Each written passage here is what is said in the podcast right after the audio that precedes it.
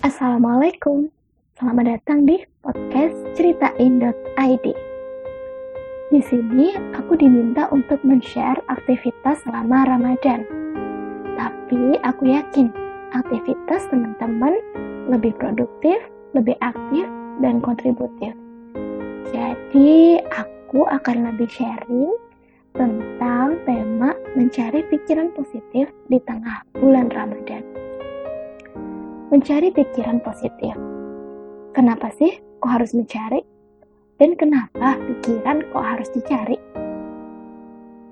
Nanti kita sharing bareng ya. Berkisah tentang Ramadan, ia adalah bulan yang tepat untuk bermuhasabah diri. Merenungi dan merefleksi atas apa yang selama ini kita perbuat.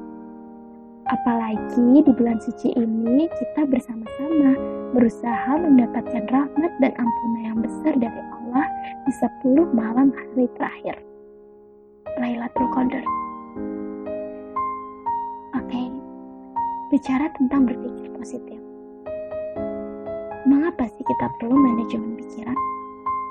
Karena kita sering kali fokus ke hal-hal yang negatif, seperti cemas, kecewa, khawatir, ragu, gelisah, sedih, galau, merasa diri tidak berguna, lupa akan kelebihan diri, termasuk mengkompar diri sendiri. Lantas, bagaimana cara mengatasi? Perlu disadari bahwa kita semua sedang dalam proses belajar. Kita sama-sama berproses. Kita sama-sama sedang berusaha mengaktualisasi diri. Kita semua mencoba untuk berdaya kalau susah mencoba bersabar, kalau ditemui kemudahan, mencoba untuk bersyukur juga. Berikut ini aku akan share sedikit cara untuk selalu berpikir positif. Husnuzon sama apa pun yang kita alami. Kita perlu untuk mengenali diri sendiri. Tulis kelebihan kamu dan kekurangan kamu di secari kertas. Kenapa harus di kertas? Karena jika hanya di pikiran, kita sering kali lupa dan apa tentang kelebihan dan kekurangan diri.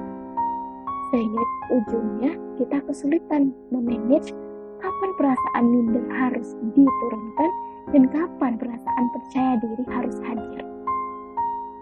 Tulis di kertas.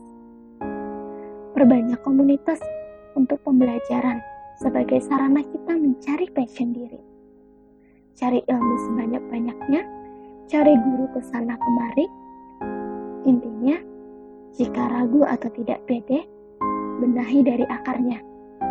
Kendalikan pikiran kita untuk fokus ke tujuan besar. Kedua, fokus pada kelebihan kita. Bedakan antara hal yang bisa kita kontrol dan hal yang tidak bisa kita kontrol. Seperti omongan orang, cibiran orang, kita sering kali marah pada hal-hal yang ada di luar kita. Diomongin marah, dicibir tumbang. Wajar memang, tapi jangan kelamaan. Gimana sih caranya untuk sabar? Dalam kitab Minhajul Qasidin karya Ibnu Jauzi, sabar itu al-ibadah al-qalbiyah. Ialah amal soleh yang dilakukan oleh hati. Yes, benar Sebagaimana lisan kita beramal dengan zikir, tubuh kita beramal dengan sholat, dan juga amalan lainnya. Begitupun dengan hati kita, juga beramal soleh dengan sifat sabar. Kedudukan ibadah kolbiah semacam ini memiliki kedudukan yang tinggi di mata Allah. Karena ia tidak nampak. Makanya nih, siapa yang bisa sabar, sebenarnya Allah sedang ngasih karunia terbaiknya bagi hamba tersebut. Yang ketiga, kemampuan untuk bersyukur. Setiap orang punya timeline-nya masing-masing. Punya timeline suksesnya masing-masing. Dan jangan pernah kita membandingkan. Semua orang punya porsinya, jalannya, punya bekalnya masing-masing. Jangan compare achievement kita dengan orang lain. Teruslah fokus dan bersyukur dengan apa yang sudah kita miliki dan apa yang sudah kita punya. Bukankah tiap bunga punya waktu mekarnya masing-masing? Jangan iri melihat bunga lain yang sedang mekar sempurna sekarang. Jangan juga membandingkan diri kita dengan yang lain. Kita harus percaya kalau kita bisa mekar dan harum sempurna pada waktunya, yang terbaik versinya, versi yang menciptakan kita. Kita akan mekar di waktunya. Perhatikan mimpi besar kita. Sesuatu yang emang buat kita tidak akan pernah tertukar. Keempat, hubungi orang-orang yang menyayangi kamu, yang menjadi bagian dari supporting system kamu. Siapa motivasi terbesar dalam hidup kita? Kalau kamu menjawab orang tua, pertanyaannya, berapa sering kita berkomunikasi dengannya? Udah WA beliau belum hari ini? Udah ngabarin belum? Udah telepon bulan ini? Udah fit callan juga? Semuanya hanya kamu yang bisa menjawab. yang kelima, kalau punya hobi, tekuni sampai jadi expert. Jangan berpikir hobi kamu sederhana. Karena belum tentu loh orang lain bisa melakukan apa yang bisa kamu lakukan. Hormati hobimu, tekuni. Insya Allah berkah.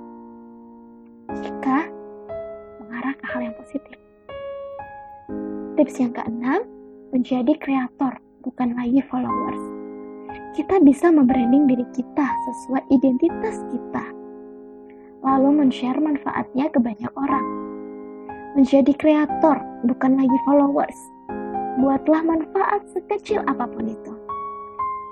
Bukannya hal besar dimulai dari hal kecil. Lingkungan yang baik itu dicari. Kalau dicari nggak nemu, ciptain. Tips yang ketujuh, jangan ragu mengikuti kata hati. Mulai mencintai diri sendiri.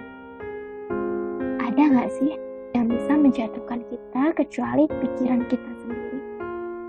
Ternyata musuh terbesar kita ya pikiran kita sendiri. Pikiran negatif yang menenggelamkan kita. Kalau kita masih bisa menjatuhkan pikiran kita sendiri, artinya kita belum mencintai diri sendiri. Jangan minder, kita sama-sama makan nasi. Berhentilah untuk menghakimi diri sendiri. Seperti aku tidak pantas ini, aku tidak pantas itu, aku tidak pantas A, B, C, aku tidak pantas dengannya, aku tidak pantas untuk belajar A, B, C. Pikiran itu mempengaruhi kualitas hidup kita loh. Mumpung merubah mindset masih gratis, yuk fokus ke hal-hal yang positif. Kayak orang-orang yang sayang sama kamu, hal-hal yang membuat kamu senang, termasuk hobi kamu. Cintai diri sendiri dulu. Perlahan, percaya diri akan muncul. Dan jika ada cacian, hinaan, atau makian tentang dirimu dan mimpi besarmu, just keep going. Jangan menyerah. Kalau kamu dikasih tantangan, artinya kamu akan dilejitkan sama. Overthinking itu wajar, tapi kalau dibiasain bisa membunuh mental kita sendiri. Kan disuruhnya be your own best friend, bukan be an enemy. Pelajari akar masalah, cari solusi, aksi. Jangan overthinking, just do it. Memang semua butuh waktu, butuh banyak belajar, Proses mengenali diri itulah proses menuju kedewasaan. Semua butuh waktu belajar. Jangan membunuh visimu. Hajar pikiran burukmu. Dengan apa? Dengan aksi dan doa. Yakinlah, itu adalah setting semesta yang akan membentukmu menjadi pribadi yang lebih baik. Dan jangan lupa untuk deket-deket sama Allah. Kenapa? Analogi mobil yang rusak dia macet, gak mau gerak. Lambat jalannya.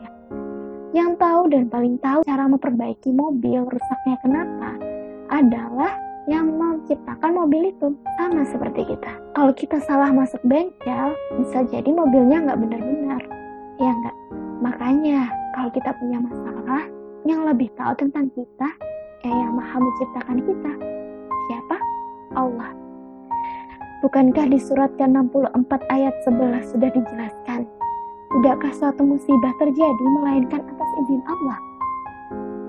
Tak ada yang lebih sejati dari cintanya Allah kepada hambanya. Sumber kebahagiaan yang tak pernah mengecewakan.